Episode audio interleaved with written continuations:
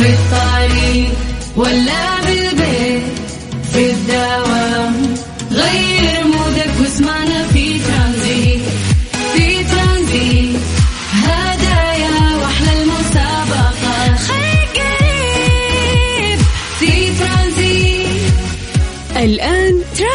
مع سلطان الشدادي على Mix FM. Mix FM هي كلها في ال mix. السلام عليكم ورحمة الله وبركاته. مساكم الله بالخير وحياكم الله من جديد ويا هلا وسهلا في برنامج ترانزيت على إذاعة Mix FM. أنا أخوكم سلطان الشدادي. أهلا أهلا وحياكم الله ويا هلا وسهلا. اليوم اليوم العاشر من الشهر الخامس من السنة الميلادية. الله يعطيكم العافية ويجعل أيامكم سعيدة دائما. يا رب كيف الأمور؟ عساكم بخير.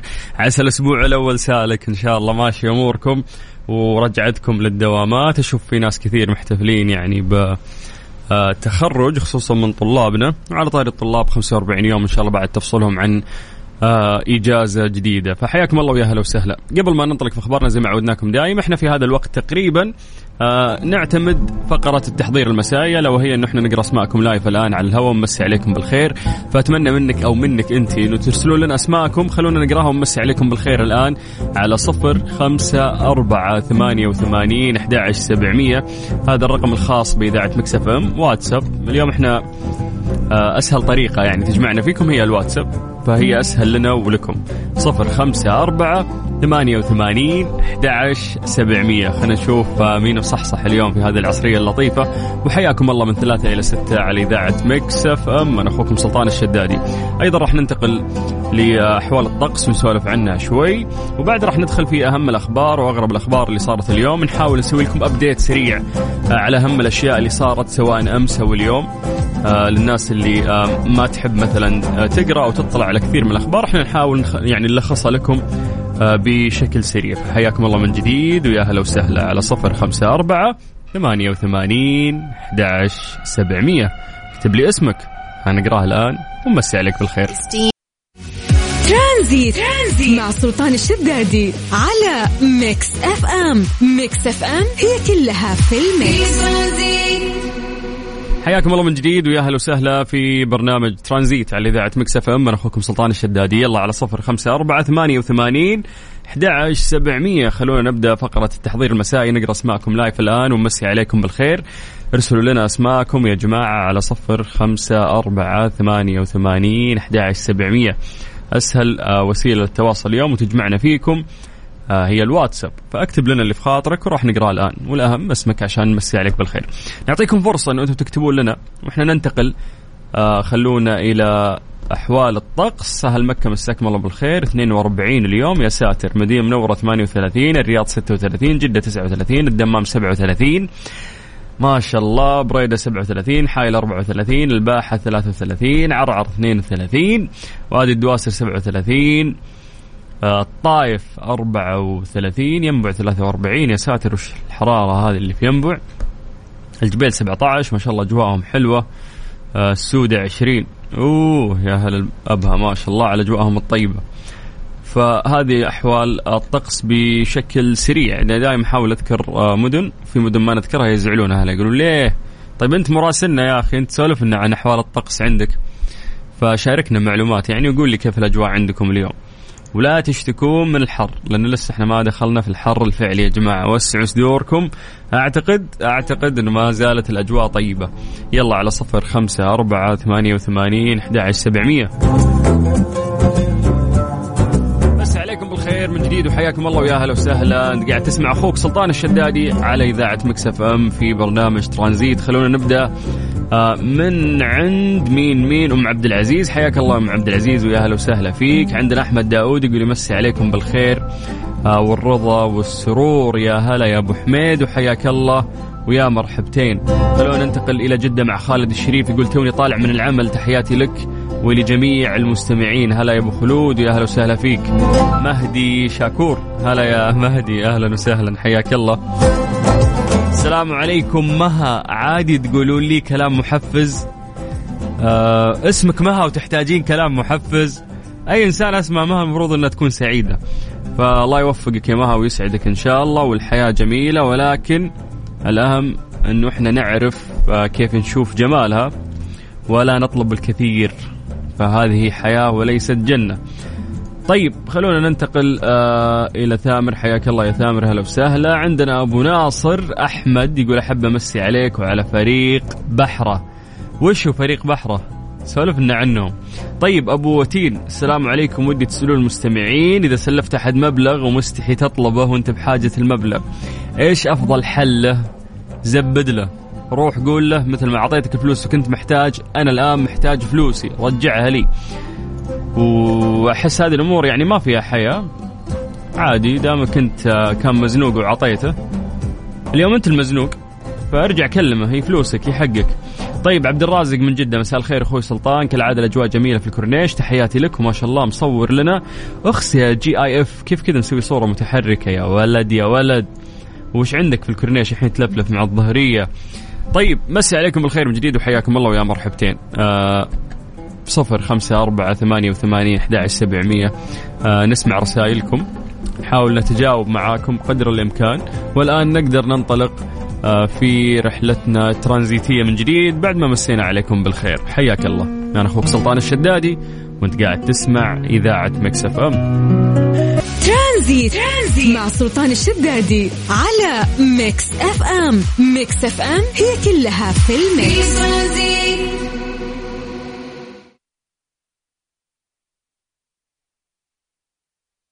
مسي عليكم بالخير من جديد وحياكم الله ويا أهلا وسهلا في برنامج ترانزيت على إذاعة مكسف إم. أخوكم سلطان الشدادي أهلا أهلا.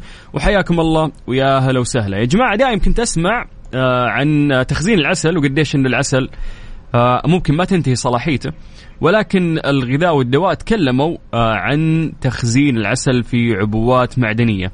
الهيئة العامة للغذاء والدواء. تكلمت عن تخزين العسل آه، عسل النحل في عبوات معدنية نظرا لتعرضه للأكسدة ونصحت بحفظه في عبوات زجاجية أو بلاستيكية. أوضحت الهيئة بتجنب آه، تبريد العسل لمنع تصلبه المفروض أنه ما يتصلب وتخزينه في درجة حرارة الغرفة وبعيدا عن أشعة الشمس مع تجنب آه، تسرب الرطوبة إليه واستعمال ملعقة جافة عند استخراجه. أبانت أيضا أنه تبلور العسل أثناء تخزينه مو مؤشر على فساده فالعسل الخام الذي يحتوي على حبوب اللقاح أكثر عرضة للتبلور من بقية الأنواع كما أن انخفاض درجة الحرارة يساهم آه، في تبلور هذا العسل. آه، الطريقة التقليدية للكشف عن جودة العسل مثل تجميده أو سرعة تقطيعه هي مجرد اجتهادات شخصية ليس لها أساس علمي لافته إلى انه يمكن الكشف عن الجودة عبر التحاليل المخبرية. يقول لك إذا تبي تعرف جودة العسل جيب لك منديل وحط كذا نقطة عسل وشوف إذا ينزل وما ينزل. هذا كله كلام فاضي. لازم يكون فيه آه، تحليل مخبري آه، هذا اللي راح يكشف فعلا عن جودة العسل. للكشف عن محتوى السكريات وكذلك اختبار تقدير فعالية إنزيم الدياستيز. إن شاء الله نطقته بشكل صح. حياكم الله ويا أهلا وسهلا. على صفر خمسة أربعة ثمانية وثمانين أحد سبعمية. تقدر تكلمنا عن طريق الواتساب الخاص بإذاعة Mix FM. أنا أخوكم سلطان الشدادي وأنتم قاعدين تسمعون إذاعة Mix FM. حياكم الله من جديد ويا أهلا وسهلا. Tranzit, Tranzit. مع سلطان الشدادي على Mix FM. Mix FM هي كلها في ال mix.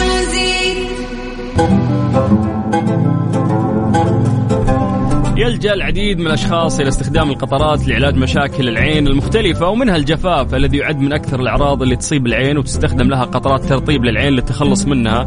آه، بيئه غباريه مثلا آه، مثل بيئتنا مع الشمس ممكن يكون في آه، جفاف. فتستخدم قطرة ترطيب العين لتخفيف الألم حتى الناتج أيضا عن جفاف العين. يثر الشعور بالتعب أو التعرض لتغيرات المناخ أو الجلوس أمام شاشات الكمبيوتر. لفترات طويلة. أنواع قطرات ترطيب العين. يقولون لك إنه تتقسم يعني قطرات ترطيب العين إلى نوعين أساسيين هم قطرات ترطيب العين اللي تحتوي على مواد حافظة وهذه تلعب دور مهم في منع نمو البكتيريا داخل قطره العين التي يتم فتحها ولكن هذا النوع ممكن يسبب حالة من تهيج العين وفي قطرات ترطيب بدون مواد حافظة. هذا النوع له تأثير أقل لأنه يحتوي على مكونات إضافية أقل بكثير. آه طبعا الفوائد جدا كثيرة. أحس إنه هذا الشيء ما مدري ما فيه وعي كثير عند الناس بأهميته، أعتقد انه من أهم الأشياء اللي لازم تسويها إن أنت لازم ترطب آه، عينك، لازم تحافظ على ترطيب عينك، يعني مثلا تلقى السيدات ما شاء الله لازم ترطب بشرتها عشان هذا الشيء ينعكس يعني على جمالها. لكن أي شيء ممكن يفيدنا صحيا تلقانا ما نهتم فيه مثل ما قد نهتم يعني في الأشياء الصحية وخصوصا مكان حساس يعني مثل آه، العين. فمثل ما لها فوائد أكيد لها أضرار مرات. فخلينا نسولف شوي يعني عن عن الفوائد. اولا مشاكل الجفاف. يعني أنا من الناس مثلا اللي مرات ما أقدر أفتح عيني أحس كذا يدخل فيها هواء كثير. أكيد إنها تصير لكم من فترة لفترة. إذا قطرت من القطرات ال- ال- Refresh ولا whatever هذه ال- المعالجة اللي تعالج الجفاف العادية الاستخدام اليومي على طول أحس بتحسن. فيقول لك هي تساهم في الحفاظ على رطوبة السطح الخارجي للعين تعالج الجفاف الناتج عن التقدم في العمر بالإضافة إلى علاج جفاف العين الناتج عن استخدام بعض الأدوية وأيضا ناتج عن حدوث مشكلة أو مرض في العين هذه كلها تساعد فيها وأيضا تساهم آه يعني أو يساهم ترطيب العين بشكل عام في جفاف العين الناتج عن جراحة العين والناتج عن العوامل البيئية كالدخان والرياح إلى جانب أنها تساعد في تخفيف تهيج العين. آه يعني بغض النظر عن كمية الفوائد هذه في أيضا يعني آه، مشاكل ممكن تصير إنه بعض الأنواع منها قد يسبب بعض الأثار الجانبية تشوش الرؤية بصورة مؤقتة خاصة عند استخدام القطره لأول مرة والشعور بحالة من الحرقة المؤقتة في العين آه، وكذلك الشعور بحالة من التهيج الخفيف جدا في العين. آه، أعتقد ال- القطرات المرطبة العادية الاستخدام اليومي ما ما راح تسبب لك يعني هذه المشاكل. أهم شيء بس انه يكون يعني طريقة الحفظ جيدة. يعني مثلا مثلا خليني أعطيكم قصة. هذا مدخل جيد إن أنا أسولف لكم يعني عن قصة. أنا من الناس اللي أستخدم مرط... القطرات المرطبة هذه بشكل يومي ال refresh ما أدري شو اسمها عاد يعني في أكثر من brand. المهم ما أقدر أشيل معي الكرتون. هي تجي في كرتون وتجي صغيرة بلاستيك فعندي شنطة صغيرة أشيلها معي أحط فيها أغراضي وين ما أروح وأتنقل.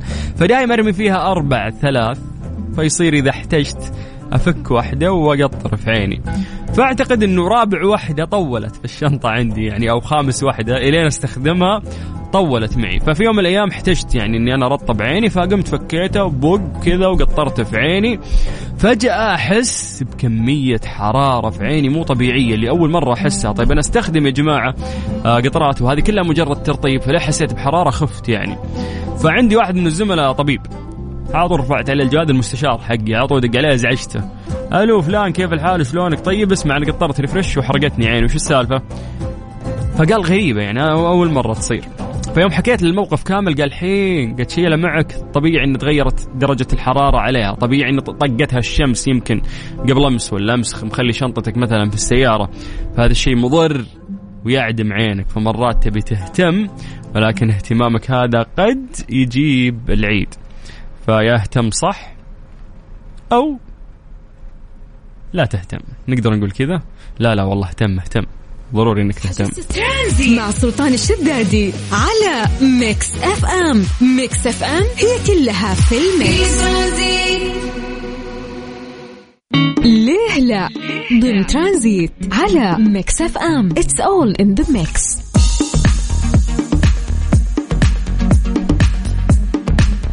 لماذا لا يشعر بعضنا بالزلازل؟ يعني بعيد الشر ما يصير عندنا هالشيء كثير ولكن ليش آه، في ناس يقولون فعلا ممكن ما يحسون يعني بالزلازل إذا صارت؟ فخلونا نسولف شوي عن هذا الموضوع. اولا تقدروا تكلمونا عن طريق الواتساب تكتبون إجاباتكم على 054 88 11 700 الكلام العلمي الذي ينطبق على معظم الناس هو أن عوامل عده تحدد قوة إحساسنا بالزلازل. فالماشي لا يشعر بالهزة كالقاعد ولا البعيد عن مركزها كالقريب منها. كما أن الساكن في بيت عالي سيشعر أكثر من الذي يسكن في بيت أرضي. نقول هالكلام هذا وقد امتلأ الكون كلاما غير ثابت علميا على الأقل عن الذين لديهم خواص غريبة في أجسادهم آه، تقيهم شر التأرجح. لكن كلاما آخر غير ثابت علميا لكنه يلقى قبول لدى علماء مرموقين. تقول الفرضيات أن بعض الناس لديهم قدرة على التنبؤ بالزلازل قبل وقوع بفترة وجيزة. يدعي هؤلاء الحساسون للزلازل أن أعراضا يحسون فيها تسبق الهزة. طنين في الأذن دوار آلام وربما أحلام. يجيك شخص يقول لك بكرة ب... ب... بيطيح البرج الفلاني. شلون حسيت ولا حلمت بهالشيء؟ تقول الفرضية أن هؤلاء الناس مع تغير التأثير المغناطيسي للأرض انبعاث غاز الرادون قبل الزلزال يجعلهم يحسون.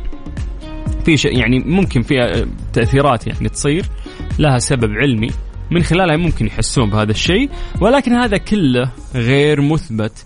لكن أحد المدعين لهذا الإحساس جيولوجي أمريكي ويبدو أن هذا ما جعل الباحثين يصدقون ولو شيئا من هذه الفرضية. طبعا هذا كل الكلام ده أنا ما ياكل معي ابدا. أهم نقطتين تم ذكرها هو أنه فعلا عوامل عدة تحدد قوة إحساسنا بالزلازل. فزي ما قلنا الماشي لا يشعر بالهزة كالقاعد ولا البعيد عن مركزها كالقريب منها لأنه إذا صار زلزال المركز أو النقطة نفسها اللي صارت فيها الزلزال نقطة قربك أو بعدك عنها هو الشيء اللي فعلا راح يحدد إنك أنت حسيت بقوة الزلزال ولا لا. مثل يوم يجي برق صاعقة وتضرب الاقرب لها هو الشخص اللي بيحس فيها والبعيد عنها ما راح يحس بإحساسها مثل القريب. نتكلم علم أكثر. ترانزيت. ترانزيت مع سلطان الشدادي على ميكس اف ام. ميكس اف ام هي كلها في الميكس. مستر موبل برعاية موبل ون. زيت واحد لمختلف ظروف القيادة على ميكس اف ام. يا الله وش كمية البرد هذه. مسي عليكم بالخير من جديد وحياكم الله ويا أهلا وسهلا.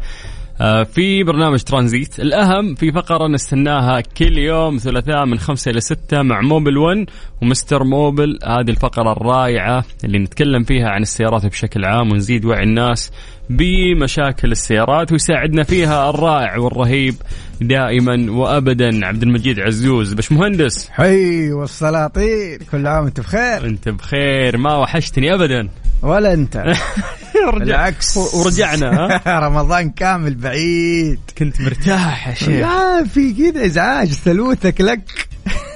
يعني ما أطلع إلا ثلاث لينكات تجي أطلع 20 لينك. يلا حيه الله يبقيك. كل كيف عام وأنت بخير بعد الزحمة. وأنت بصحة وسلامة يا كيف حبيبي. كان عيدك؟ سيارات جميل وكذا؟ جميل الحمد لله. ميكانيكا و لا لا لا. أوف. قفل كل شيء. البطاطس. كله كله. عيد يا أبوي. آه. عيد الدنيا عيد. بالعكس البطاطس يشتغل في العيد. في رمضان. آه. أوه آه. موسم. كيف؟ والله مو موسم البطاطس. موسم البطاطس زي رمضان. م- في موسم جدة بعد. اجتمعت كلها. يلا حي كيف الأمور؟ الله يبقيك. والله يساعدك الحمد آه، لله. جاهز اليوم نساعد. الناس؟ أكيد أكيد. متحمسين صراحة مشتاقين للحلقة. ممتاز ممتاز. يا جماعة في, في هذه الفقرة اللي عنده مشكلة في سيارته عند المهندس مختص راح يساعدك بإذن الله. المطلوب منك أنك بس تكتب لنا آه يعني المشكلة اللي عندك تكتبها كتابة عن طريق الواتساب الخاص بإذاعة ميكس اف ام على صفر خمسة أربعة ثمانية وثمانين أحد سبعمية. وإحنا بدورنا راح نقرأ ال message حقك ونجاوبك على طول. يلا عشان نطلع بس فويصل بسيط وبعد راح نقرأ أسئلتكم على طول على صفر خمسة أربعة ثمانية وثمانين أحد سبعمية. عن طريق الواتساب ارسل لنا message ك اكتبها كتابة لا تسجل voice note. صفر خمسة أربعة ثمانية وثمانين أحد سبعمية. هذه الساعة برعاية فريشلي فرفش اوقاتك وكارسويتش dot com منصة السيارات الأفضل.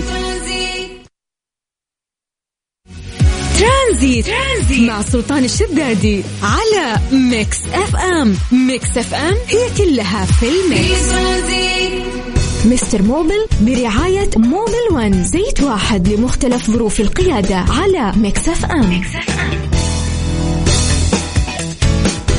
على صفر خمسة أربعة ثمانية وثمانين أحد سبعمية. آه عطنا سؤالك. أي مشكلة عندك في السيارة؟ وبإذن الله راح نجاوبك عندنا مهندس مختص على صفر خمسة أربعة ثمانية وثمانين أحد سبعمية. اكتبها كتابة عن طريق الواتساب الخاص بإذاعة ميكس اف ام. جاهز باش مهندس؟ قول لي بالسلاطين توني لاحظ الض- طرف النظارة طقم مع البدلة يعني. إيش تحس هذه حقت العيد دي شكلها. هذه شركات الشراكات ها.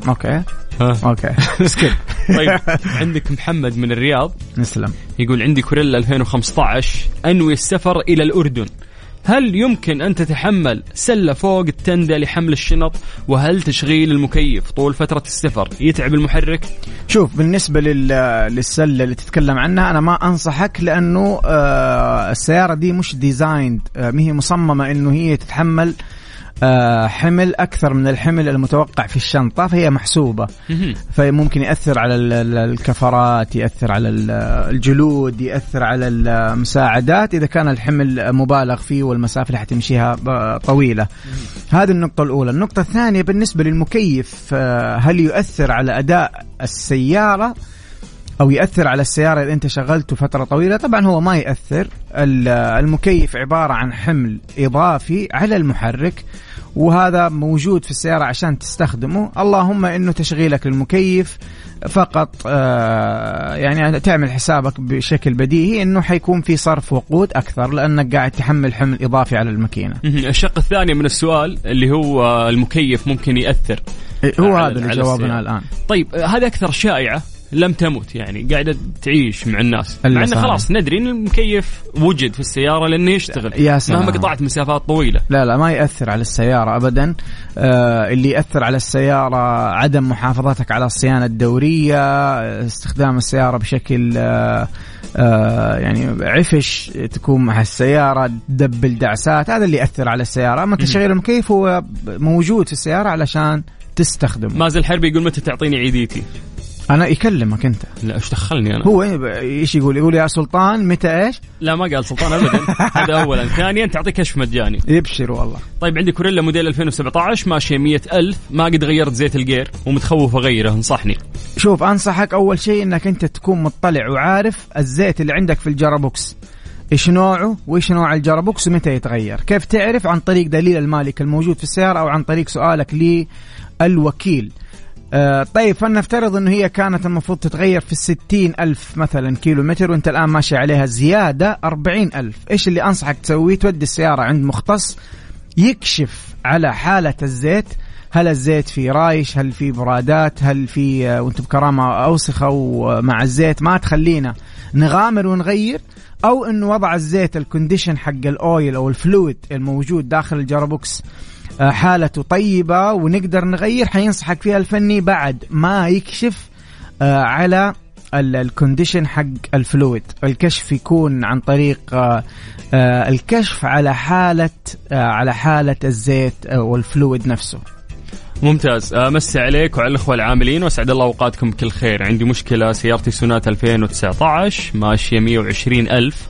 دعسة البنزين مرات ثقيلة ومرات كويسة يعني أرص الدعسة كاملة ما يعطي السيارة power كامل ومرات تضبط. وش الحل؟ شوف الحل إنك أول شيء نحن نمسك دائما نحن إيش نقول يا جماعة الخير بالنسبة لتشخيص الأعطال؟ نحن نبدأ دائما بالأعطال البديهية أو الأعطال التي ما تكلف ال- السائق أو مالك السيارة مبالغ طائلة وسهل الكشف عليها. فنحن نبدأ أول شيء بكيفك مع الصيانات الدورية كيفك مع تغيير خصوصا مع تغيير البواجي تنظيف البخاخات تغيير فلاتر أو فلتر الهواء حق الماكينة.